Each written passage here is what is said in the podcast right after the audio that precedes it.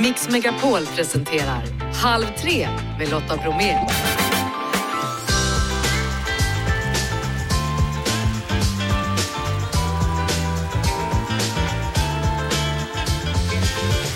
Hallå där och varmt välkommen in i Halv tre-studion. I dagens mix Magdalena Forsberg och Tobias Karlsson om att hitta motivationen. Asta August om nya serien Händelser vid vatten. Erdogan-docka hängd upp och ner utanför stadshuset. Nu agerar och reagerar Turkiet. Pernilla Wiberg är dagens gäst, hör om utbytbara knän och rädslan för att sövas. Och Filip Horn, han pratar om årets mattrender och dessutom då Ångermanland är landskapet ifrån vilket vi hämtar dagens vinnarfamilj. Det handlar ju såklart om fjällkalaset. Tack för att du lyssnar och varmt välkomna. Nu kör vi! Eh, Alldeles nyss så fick de ett skrattanfall och eh, de brukar få höra, ni är två irriterande glada personer. Visst är det så Tobias Karlsson och Magdalena Forsberg? Varsågod och välkomna hit. Ja, men tydligen. Alltså, det Säger folk så? Ja. Varför ja, då? är det så fruktansvärt glad hela tiden. Alltså, man kan ni sluta och skratta och måste bra. Ja. Så är det mestadels i alla fall. Samtidigt så, så vill vi ju, de flesta i alla fall, vara glada och hitta sitt bästa jag. Och nu har ni då skrivit en bok där ni har satt ihop era bästa tips och historier. Hitta motivationen genom livets toppar och dalar. Magdalena, berätta. Ja, men det är precis så. Livet är ju toppar och dalar och eh, ja, men vi har försökt att ta reda på eller bestämt vad vi tycker är de viktiga områdena att ha balans i för att så, bli sitt bästa jag och må så bra som möjligt. Det handlar ingenting om prestation utan det handlar om att ja, men ge sig själv chansen att må bra. Pernilla Wiberg dyker upp senare i programmet och då sa du att hon har varit en stor förebild för dig. Ja, hon var en stor inspiration för mig under min karriär. Att hålla den motivationen uppe hela tiden. Det gäller eller leta saker som man kan bli motiverad av. Och hennes eh, kamp där, hon hade ju mycket skadeproblem. Men hon kämpar hela tiden för att komma tillbaka trots att hon hade vunnit allt. Och det tyckte jag var inspirerande och motiverande. För det är så det kan funka också, att er bok här nu kanske blir en motivation då för övriga då som kanske läser den. Tobias, vi, vi kollar på dig, vi kollar lite toppar. Du har ju en lång karriär som professionell dansare och koreograf. Du har vunnit Let's Dance och du har utsetts till såväl årets hbtq-person som inspiratör och talare. Vem, får jag ställa klart frågan nu, av Carola, Arja Saijonmaa, Tina Turner och alla du har fört fram på dansgolvet har det varit roligast att dansa med i Let's Dance och då får du inte säga Magdalena. Nej, men alltså, alltså, jag har ju skrattat så oerhört mycket med allihopa. Alltså, det, har varit, det är verkligen som, precis som i boken som går upp och ner. Alltså, men det är ju så otroligt sällan som man får en sån här möjlighet att lära känna en människa på djupet i, i vuxen ålder. Liksom. Så att med, med, jag och Arja, det var ju så galet allting. Alltså det var ju så konstigt allting, det var ju högt och lågt verkligen. Hon var ju helt orädd för allting. Ja. Och, och, Dödslyft. Ja, ver- verkligen, exakt. Här. Och Carola på samma sätt lite grann, men, alltså, men man vet aldrig vad som händer och det var men nej, alla de här kvinnorna har varit fantastiska. Vi kollar på dig då, Magdalena, eh, toppar. Du har vunnit världscupen i skidskytte sex år i rad, tagit ett VM-silver, sex VM-brons och två OS-brons och tilldelats Jerringpriset då inte mindre än fyra gånger. Vad rankar du själv högst?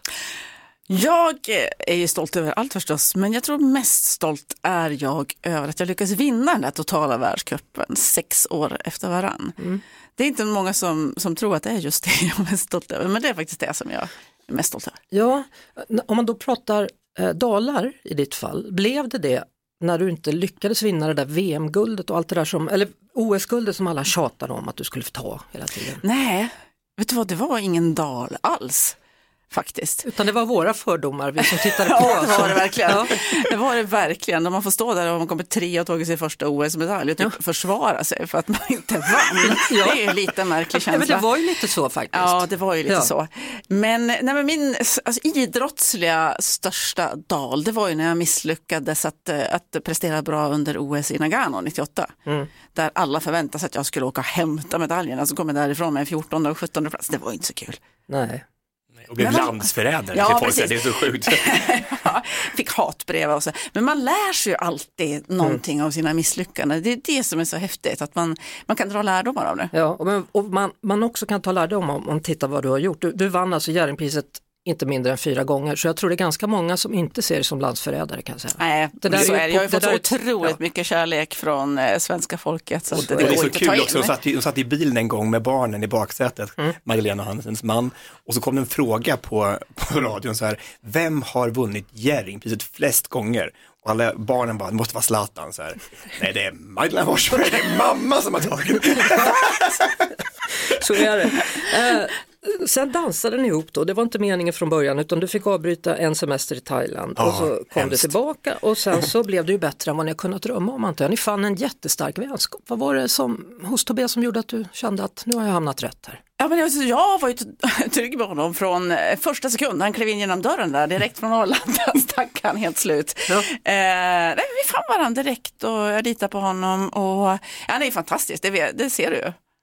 Ja, Jo men det vet man. Ja. ja, det vet man. Det är det enda jag skulle kunna tänka mig att dansa i det där programmet med kan jag säga. Precis. Aldrig annars men jag kommer inte göra det för jag kan Ja. inte. Ja. Men det är så fint tycker jag också, bara att man, vi har, vi har, jag, har, jag har aldrig någonsin varit naturmänniska överhuvudtaget, men med Magda så plötsligt har jag fått prova på nya saker som jag aldrig trodde jag skulle få göra. Liksom, Vasaloppet, alltså vem, vem skulle tro det någonsin? Nej, och så har ni nu precis släppt den här boken då. då. Hur kom ni fram till att ni skulle skriva den? Det kom, det kom en fråga faktiskt, lite externt, från om vi ville skriva den här boken ihop och det var ju helt makalöst att få göra det med Magdalena Forsberg som är fyra Jerringpris. Ja, Ja, men, men Tobias Karlsson som har vunnit Let's Dance. ja, men hade de bestämt att det skulle handla om motivation eller fick ni välja ämne själva? Det, det, det växte nog fram kanske, mer, mer att det blev en motivationsbok. Alltså, men vi tyckte det här var väldigt viktigt och, och vad vi har lärt oss under resans gång och vad vi, varför vi mår så bra tillsammans. För det handlar ju även om relationer och hur, hur man ska tänka också. Det är inte bara träning och kost utan det är ju verkligen sex områden. Så att eh, det har varit en, en otroligt häftig resa. Ja, och de här områdena, i början när man är elitidrottare pratar man ju mycket om prestationstriangel, då är det äta, träna och återhämta sig. Men det räcker inte riktigt tycker vi då, i det här riktiga livet. Så då la vi på en triangel till då och då kommer de här tre ytterligare områdena med. Eh, och så tycker vi att det är så himla kul med brädspel så vi tog ju chansen att, att skapa en egen modell som vi kallar för Kinaschacksmodellen. Jaha ja, ja det är spännande. Vi ska prata mer om det här för att det är skönt när du säger att det inte bara handlar om prestation utan snarare om motivation. Vi pratar mer om det alldeles strax med Magdalena Forsberg och Tobias Karlsson. Magdalena Forsberg och Tobias Karlsson är det som är gäster i detta nu i Halv tre med Lotta Bromé. Hitta motivationen, så heter boken, genom livets toppar och dalar. Eh, ni vill hjälpa oss läsare då att nå insikten att jag är jag och jag duger. Var börjar man Magdalena? Ja, härligt att du sa det. Det där fick jag alltid höra under hela uppväxten av min mamma. Tänk så här Magdalena, jag är jag och jag duger. Var börjar man? Ja, eh, man börjar väl kanske man tar, vilket, man tar hela egentligen kakan, områdena och försöker se vad kan jag, vad kan jag kanske göra en liten förändring för att få bli mitt bästa jag. Och ändra kanske man inte, man kanske inte, liksom inte har något mål. Eh, eller syfte i livet. Då kan det vara bra att kanske fundera ut det här. Vad, vad vill jag egentligen och varför vill jag det? Och vad är det som driver mig? Vad har jag för drivkrafter? Vi har haft lite av så här nystart den här veckan för vi körde igång då efter jullovet och det är nog många som, som gjorde det och det är mycket man kan fundera på. Och bland annat hade vi då en, en eh, någon slags livscoach, sån här mindcoach i måndags och så pratade jag med honom om nyårslöften och då sa han nej, är det inte bättre att du tar ett ord och så tänker du på det ordet resten av det här året. Han hade då ha kul hade han tagit. Mitt ord två blev, ord. mitt, och mitt blev hälsa. Ja, Ja. och hälsa på folk. Ja men liksom. Och det, och det är mycket skönare på något sätt för då, Mm. då, då tänker man lite mer på ett annat sätt. Har jag rätt eller fel? Ni som är Ja, men det kan man ju ha och det kan ju vara, det kan ju vara din drivkraft då. Eller hur? Hälsa. Men, men är, det, är det individuellt hur man får fram den här kraften, hur man får den här motivationen? Ja men alltså det, är ju, det gäller ju att hitta vad som faktiskt, man, vad, man, vad man får motivation ifrån, vad som blir ens drivkraft. Alltså, vi har ju kommit på att vi vill ju underhålla och glädja människor, det är hela syftet med den här boken. Att vi vill försöka få folk att må bättre. Alltså, är alltså, att, själva målet var att skriva en bok men sen syftet var att folk ska bara läsa och säga bara, "Ja, men alltså, nu vill jag faktiskt. Så att kanske börja röra på sig, kanske äta lite bättre, få en lite tips och tricks hur man får bättre relationer på jobbet eller i hemmet. Så allt, hela boken är som en liten uppslagsbok så bara mm. så, så gotta ner sig jag, på det här, hur ska jag må lite, lite bättre igen. Och så dans förstås. Ja, eh, jag tänker här då på, på eh, kost, rörelse, träning. syfte. Äh, återhämtning, tankar och relationer, är det det ni har fyllt på med i den här Kina-schacksmodellen? Kan man säga så? Jag tyckte inte det räckte riktigt de där tre första. Så att, menar, och det viktigaste av allt är ju hur, vilka vi umgås med. Alltså, de har gjort en, en stor studie i USA man, där man visar, om, vad, man frågade en stor grupp människor vad man, vad man, vad man trodde de skulle bli lyckliga av. Och i början var det då så här, det var pengar och berömmelse och allt sånt där. Och så följde de upp det 40 år senare. Och de som var allra lyckligast var de som hade bäst relationer. Mm. Det var det absolut viktigaste i den här studien. Så det är jätteviktigt. Mm. Återhämtning som vi är så bra på också. Återhämtning är jätteviktigt. Återhämtning är super, superviktigt om man ska orka. Ja, men om man nu sitter framför radion då så tänker man, men hur ska jag komma igång här? Jag vill, men jag vet inte var jag ska börja. Har du några liksom, praktiska tips? Ja, men alltså bara börja. Och du sa just det här, sitter framför radion. Stillasittandet är ju ett jätteproblem. Du står ju upp när du jobbar, det är mm. jätte, jättebra. Mm. Men att man försöker kanske börja med det här med att bryta sitt stillasittande. Eh, det kan ju vara riktigt, riktigt farligt om man bara sitter hela dagarna. Bara dåligt för kroppen. Ställ dig upp, rör på benen lite grann, ah, så kan du väl sätta dig igen då. Men man rör på sig någon gång i halvtimme. Men sen att man bygger in, tycker jag, motionen i vardagen. Mm. Man måste inte ut och springa med senaste träningsskorna och flashigaste kläderna eller gå på gym eller så. Man kan faktiskt bygga in det i vardagen och träna rätt mycket hemma också om man vill det. Men bara gör det och vi brukar säga att den bästa träningen det är den som blir av. Men Magdalena, har du ett mantra som är efter uppförsbacke kommer nedförsbacke? Ja, jag Va? tänker alltid så och så tänkte jag då faktiskt i Let's Dance när det inte gick så bra i början när jag blev av med min danspartner. Två inte partners. Hade, två, två gånger, ja. inte hade någon att dansa med och ja, ganska nere faktiskt. Ja. Men jag hade det där huvudet hela tiden, efter uppförsbacke kommer nedförsbacke. Jag försökte intala mig det och till slut kom nedförsbacken, det var Tobias Ja, och vad, vad, är din då? Är din efter nedförsbacke kommer uppförsbacke? Är det, har du tvärtom då eller? Nej, verkligen. Jag har ju anammat det här nu, vi, vi är som ett nu. Alltså, jag, tycker det är så, jag, jag tycker det är ett fantastiskt motto det där. Ja. Jag har ju ett motto med mig hemma från Närke som är det går aldrig. Eh, det kommer aldrig att gå, det är det bästa. Eh, men, eh, men mamma och pappa har ändrat sig nu, efter de har ju sagt det i mitt liv, men nu har de ändrat sig som du säger, nu går det ganska ofta faktiskt. Mm. Så det är skönt. Eh, ni då, eh, ni är ju såklart så att ni har gett er själva en utmaning när ni skrev den här boken om motivation. Hur har det gått med att placera en prideflagga på, på ja, Kilimanjaros topp? Vi, eh, vi, var, vi tänkte ju så, när vi säger att, då, att syfte och mål att det är viktigt så behöver mm. vi ha ett gemensamt sånt här mm. i boken och då blev det det att eh, placera prideflaggan på Kilimanjaros topp med syftet att belysa de här orättvisorna som faktiskt fortfarande finns här i världen. Och mm. Det är inte många som vet faktiskt att det fortfarande kan vara upp till 60 eller 30 års fängelse om man är homosexuell i mm. Tanzania mm. och det är dödsstraff i många afrikanska länder. Så att vi mm. tog oss an det. Mm. Så ni har varit här alltså? Jag har varit där, varit uppe på toppen. Efter många om men så kom vi dit upp och satte den här flaggan och den, det ögonblicket när vi skulle ta fram den där flaggan på toppen av Afrika är ett av de starkaste i hela mitt liv. Alltså, ja men på riktigt. När man inte vet, alltså man, det är faktiskt är olagligt att ta fram den där flaggan. Mm. Och så bara ta fram den och vi bara skakar så här håller den där flaggan så fruktansvärt skakig. Men är, lämnar ni kvar den där eller vad gjorde ni med den? Den, den är kvar där uppe men jag tror inte den sitter kvar där uppe. Vem vet? Ja, vem vet. Ja, nej, det var, det var ju riktigt nervöst alltså. Jag ja. förstår det. Men jag får fortfarande gåshud när du berättar om det. Ja, det får jag också faktiskt. Och är det nu någon som lyssnar och har varit på Kilimanjaros topp på sistone får ni gärna höra av er och berätta om den är kvar eller inte, eh, flaggan. Magdalena Forsberg och Tobias Karlsson hittar motivationen genom livets toppar och dalar. Stort tack för att ni kom hit. Tack. tack. Och hoppas hit. att vi ses snart igen faktiskt. Ja. ja. Stor kram. Kram, kram. Halv tre med Lotta Bromé på Mix Megapol. Idag så släpps dramatiseringen av Kerstin Ekmans prisade roman Händelser vid vatten på SVT Play och på söndag så har den premiär i SVT1.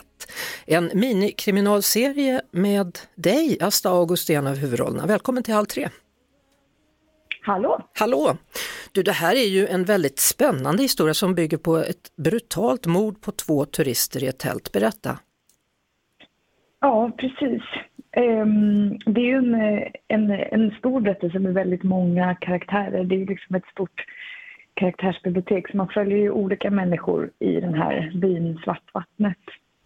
Ja. Eh, också precis kretsar kring det här mordet på två turister. Och handlingen den pendlar då mellan 70 och 90-tal och vad skulle kunna säga att familjen August har hälften av huvudrollerna i den här serien, eller? Ja, För, för, när det är 90-tal då är det din mamma, Pernilla August ja. och syster Alba som spelar mor och dotter och när det går tillbaka till 70-talet då, då är det du som spelar din mamma som ung. Hur har det varit att jobba tillsammans? Um, jo men vi, alltså uh, Alba och mamma jobbade väl kanske mer tillsammans eftersom att de hade scener ihop. Mm.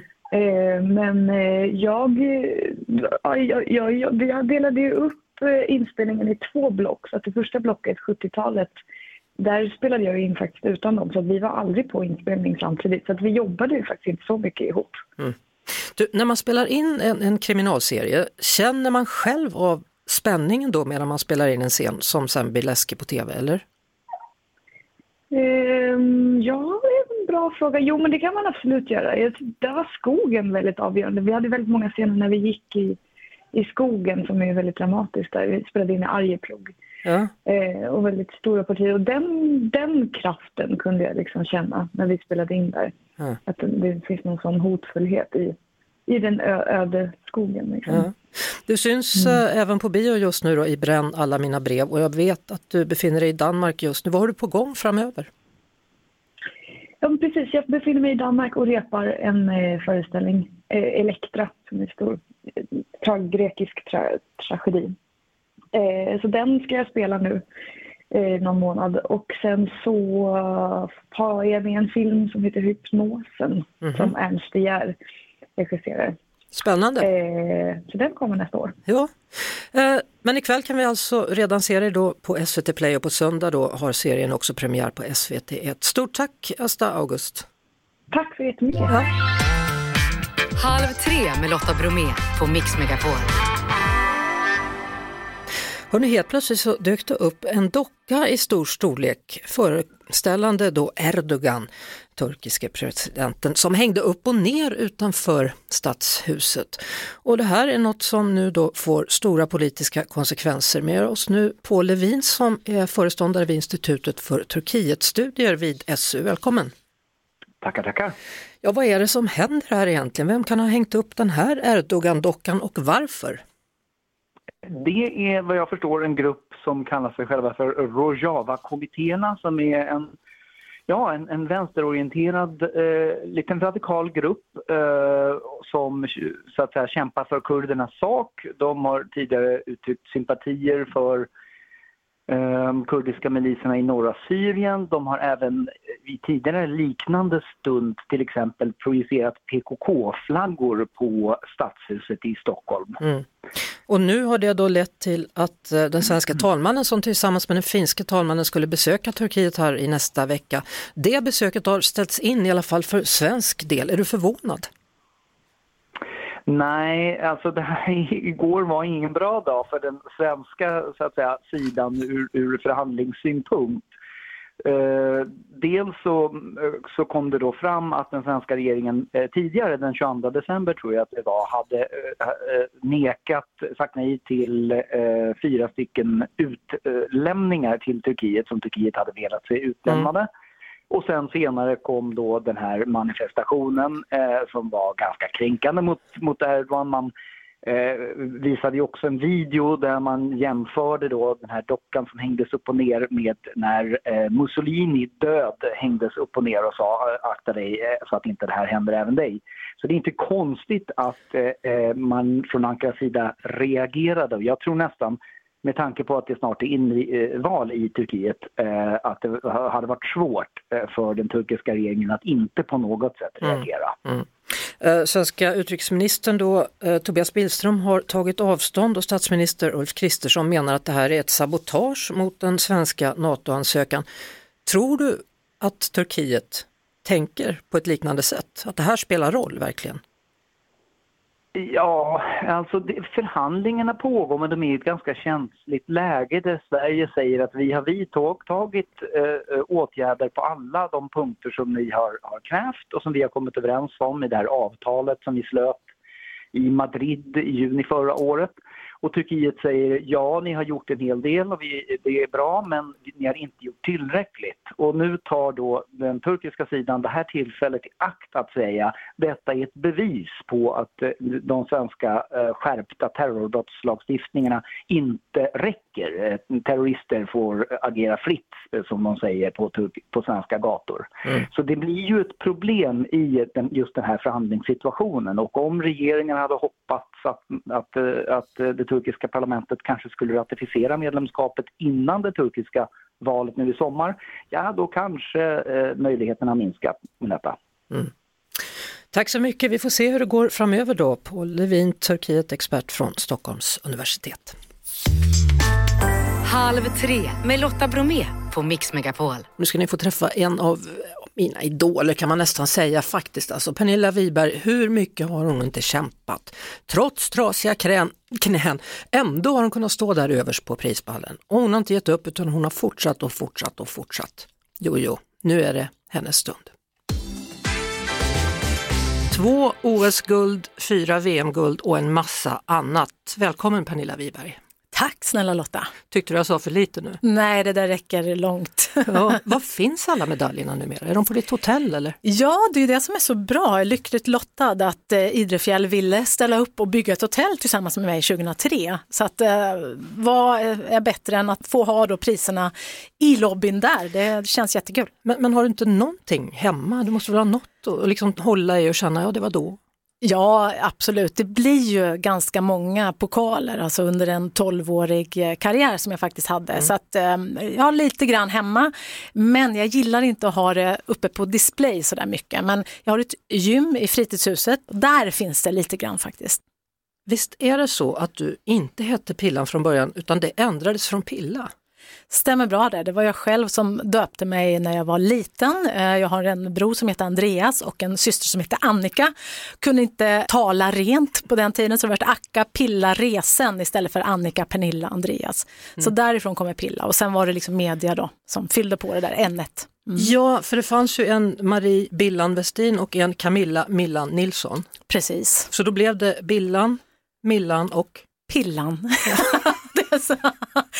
Tänk Ja. vad, vad duktigt rimmat där. Ja, alltså kan man säga att du ändå slog igenom med dunder och brak?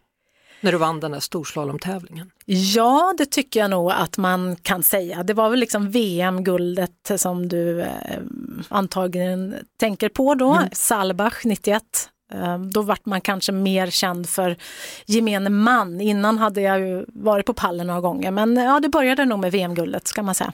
Eh, Det var så roligt för jag skulle slå upp dig så här in- inför intervjun på Wikipedia och så står det så här, före detta idrottare och affärskvinna. Oj, har jag fått det epitetet ja, också? då kände jag, Fränt. det var ju en tung titel. Ja, verkligen. Ja. Du tog över dina egna affärer av en tråkig anledning, berätta. Ja, precis. Det är väl de här åtta miljonerna säkert som du tänker på.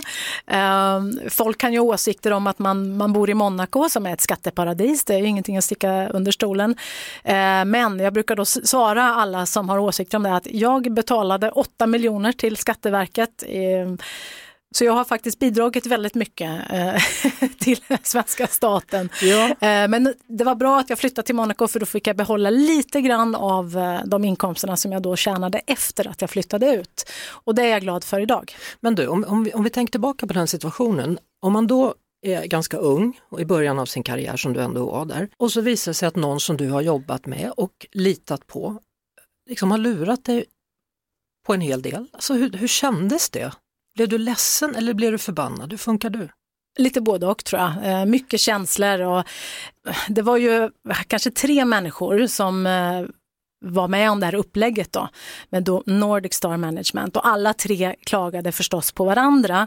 Och det var till och med en av de tre som dog av en hjärtinfarkt i den här vevan och då var det ju ännu enklare att ja, lägga skulden på, på den personen också. Så att, äh, det, var, det var riktigt jobbig tid och om man säger så här, jag, idag som du, du var inne på det med affärskvinna så jobbar jag inte tillsammans med någon utan att jag eh, sköter allting själv. Men grät du? Var du sån ledsen eller var du? Oj, Jag bara tänker, det hade jag gjort. Åtta miljoner tårar, ja kanske. Ja, det var ju inga roliga pengar Nej. förstås att betala in, för det var, det var lite så här Pomperipossa, Astrid Lindgren-skatt på det där, så det var alltså mer än vad jag faktiskt hade tjänat under de då fyra Mm. första åren i, i min karriär. Eh, så det är klart, det, det var tufft, men läropeng, det heter ju så, och jag lärde mig den hårda vägen. Halv tre med Lotta Bromé på Mix Megapol. Pernilla, hur mycket saknar du att tävla? Alltså så här, jag, jag saknar det i hjärnan, men kroppen säger definitivt nej, nej, nej hela tiden. När jag tror att jag ska försöka vara med i något roligt tv-program som har med tävling att göra, fysiska tävlingar. Men det är tufft, jag har ett knä som är eh, utbytbart, eller det ska bytas ut snart. Ja, vad, vad är det för fel på det knät? Vad är inte fel på det knät? Bättre fråga Lotta. Jag har ju haft ganska många knäoperationer. Det började redan innan jag slog igenom 91 med en stor operation i USA. Lagade meniskerna och korsband, inre ledband, vadbenet satt löst. Så att det var en stor operation, liksom fem timmar. Och eh, hade jag inte gjort den där så hade jag inte stått här idag med dig. Men hur känns det att få ett nytt knä liksom? Ja, det, det är ju också en jättestor operation, men tänker lite på Lindsey Vonn, en annan eh, duktig skidåkare från USA. Hon är bara 38 år och jag hörde att hon också ska byta sitt knä redan nu och jag är ju ändå 52 så jag tänker kan hon göra det nu så, så ska nog jag göra det snart också. Är du, är du rädd då? Jag har aldrig tyckt det har varit kul att eh, opereras. Jag gillar inte att bli sövd för jag menar eh, närmare döden än så kan man nästan inte vara. Och det skrämmer mig lite grann. Men jag har ju hittills alltid vaknat upp. Eh, Jag har två kejsarsnitt, ett akut eh, med första barn och ett vanligt med mitt andra. Så att, jag, har, jag har ju ganska många operationer bakom mig så jag vet att läkarvården är duktiga men det är ändå lite oroande.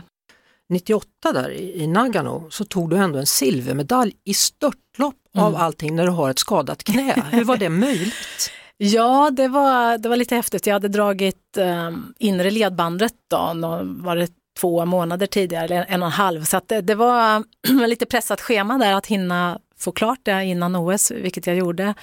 Det var så mycket mentalt som det går an att göra. Alltså, för jag hade inte den fysiska formen egentligen.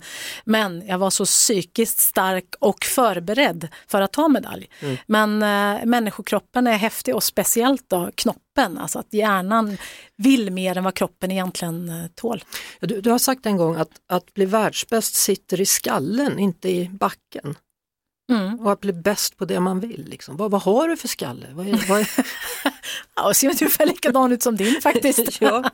Men det gäller bara att, att arbeta med den på ett eh, ja, bra sätt. För att bli duktig i någonting så måste du ju liksom vilja, ha passion för det och, och gå igenom det som man måste gå igenom för att bli bra. Man brukar prata om de här 10 000 timmarna, ja absolut. Eh, så det är ju ett eh, kriterium. Men eh, för mig var det ju, det var ju syrran som bidrog till att jag blev egentligen bäst i världen. För jag var så arg på henne när vi var sju år och sprang på eh, idrottsstadion i Norrköping eh, som hade såna kolstyrbanor, eh, friidrott, 60 meter och hon slog mig förstås, två år äldre. Vansinnig var jag. Så att där och då föddes en tanke liksom att jag vill bli bäst i världen. Sen att det blev skidåkning, det kanske är en slump. Jag höll på med friidrott, på med basket, det var mycket musik och, och så. Men eh, skidor var någonting som hela familjen kunde göra tillsammans och som vi gillade att göra tillsammans. Och eh, så var det förstås tränare i klubben, i Norrköpings skidklubb, som såg potentialen och talangen som gjorde att det, det blev skidor. Du nämnde akut kejsarsnitt. Mm. Var det dramatiskt? Jätte. Mm. Hur då? Eh, jag hade inte alls tänkt att eh, ta kejsarsnitt utan en vanlig förlossning. Men eh, Det är 19 år sedan. Eh, ja, det stämmer. Han Ja. är född 2003 i augusti, eh, Axel. Eh, så att, men du vet, jag slutade 2002, hade säkert väldigt mycket muskler kvar eh, från eh, en lång karriär. Och det är någonting med det att mm, det är svårt att slappna av tror jag. Man, man har nog aldrig lärt sig det på ett bra sätt. Eh, så det gick aldrig och eh, till slut så tappar man hjärtljuden och han hade navelsträngen runt halsen. Så att det var väldigt tur igen då, läkarvården, att den finns och att man ja, kan öppna upp och vi, ja, bägge två är här idag. Ja, gud.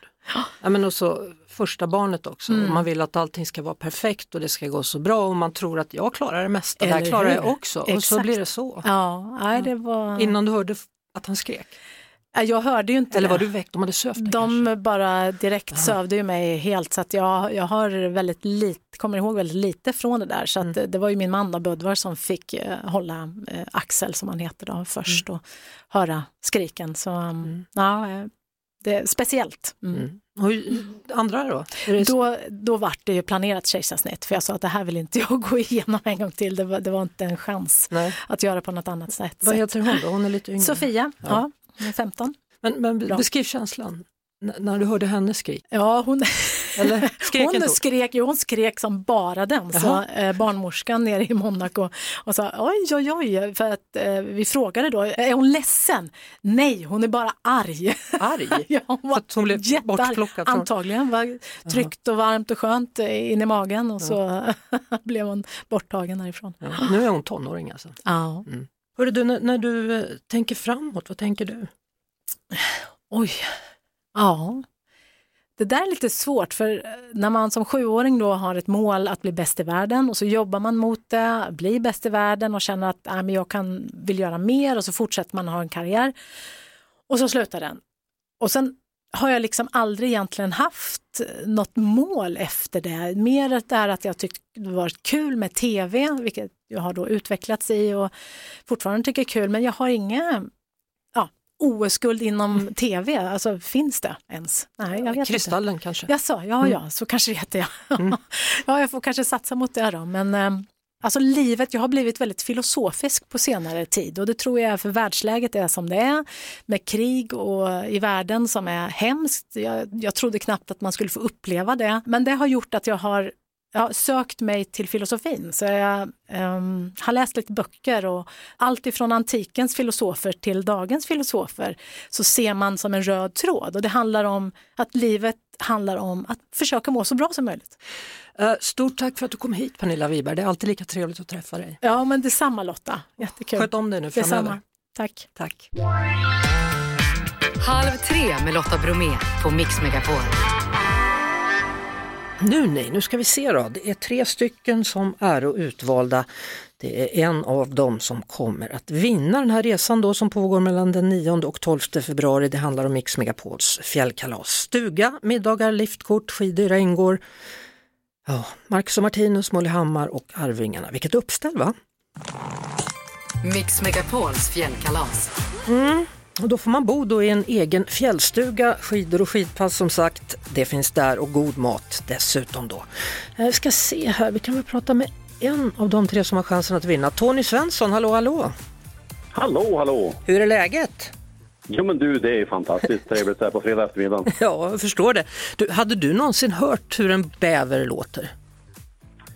Jag, ja, nej, jag har inte hört dem låta så mycket. Bara, det mest bara de plaskar med, med stjärten och sticker stick under vattnet. Ja, alltså finns det extra mycket bävrar att se? För det är ju ert landskapsdjur i Ångermanland. Jag tror att vi har rätt bra med bäver här. Ja, är de eh, till problem eller är det bra? Ja, eh, mycket, mycket blir det problem när de dämmer upp vägar och så här, så att det, det, Ja. det blir bekymmer med skogen och allt. Jaha. Du, 2023, vad hoppas du på det här året? Ja, jag hoppas ju på att det ska bli ett fantastiskt år. Ja, och då tänker du att det skulle kunna vara något som inbegriper ett fjällkalas eller? Ja, men tanken slog mig idag faktiskt att det vore inte så dumt. Ja, vem skulle du ta med dig ifall du fick det här fjällkalaset? Ja, framförallt frun. Så får bli några barn också. Ja, hur många år fyller hon? Ja, hon fyller ju jämnt i år. eh, Hon fyller ju 50. Ja men titta där, då är det alldeles utmärkt och hon åker skidor. Ja, visst gör hon det. Ja, allihopa gör det, hela familjen. Jajamän. Du, eh, vad säger du Tony? Ska vi dra till fjällen tillsammans eller? Ja, men du, det vore ju fantastiskt. Jaha, då säger jag stort grattis Tony. Tack! Du har vunnit! Ja, men vad härligt! Ja, vad skönt! Vad bra. Ja, då är det bara att gå och börja 13 är inte så jäkla mycket otur kanske. Nej men du ser, fredag den 13 till trots, det var all Ja. tur i världen för din del. Jajamän, Ja, vad härligt. hälsa familjen och så är det dags att börja packa då, sen drar vi. Ja, Okej? men du, tack, tack. Tack, tack. Fint. Hej, hej, tack, Tony. Hej.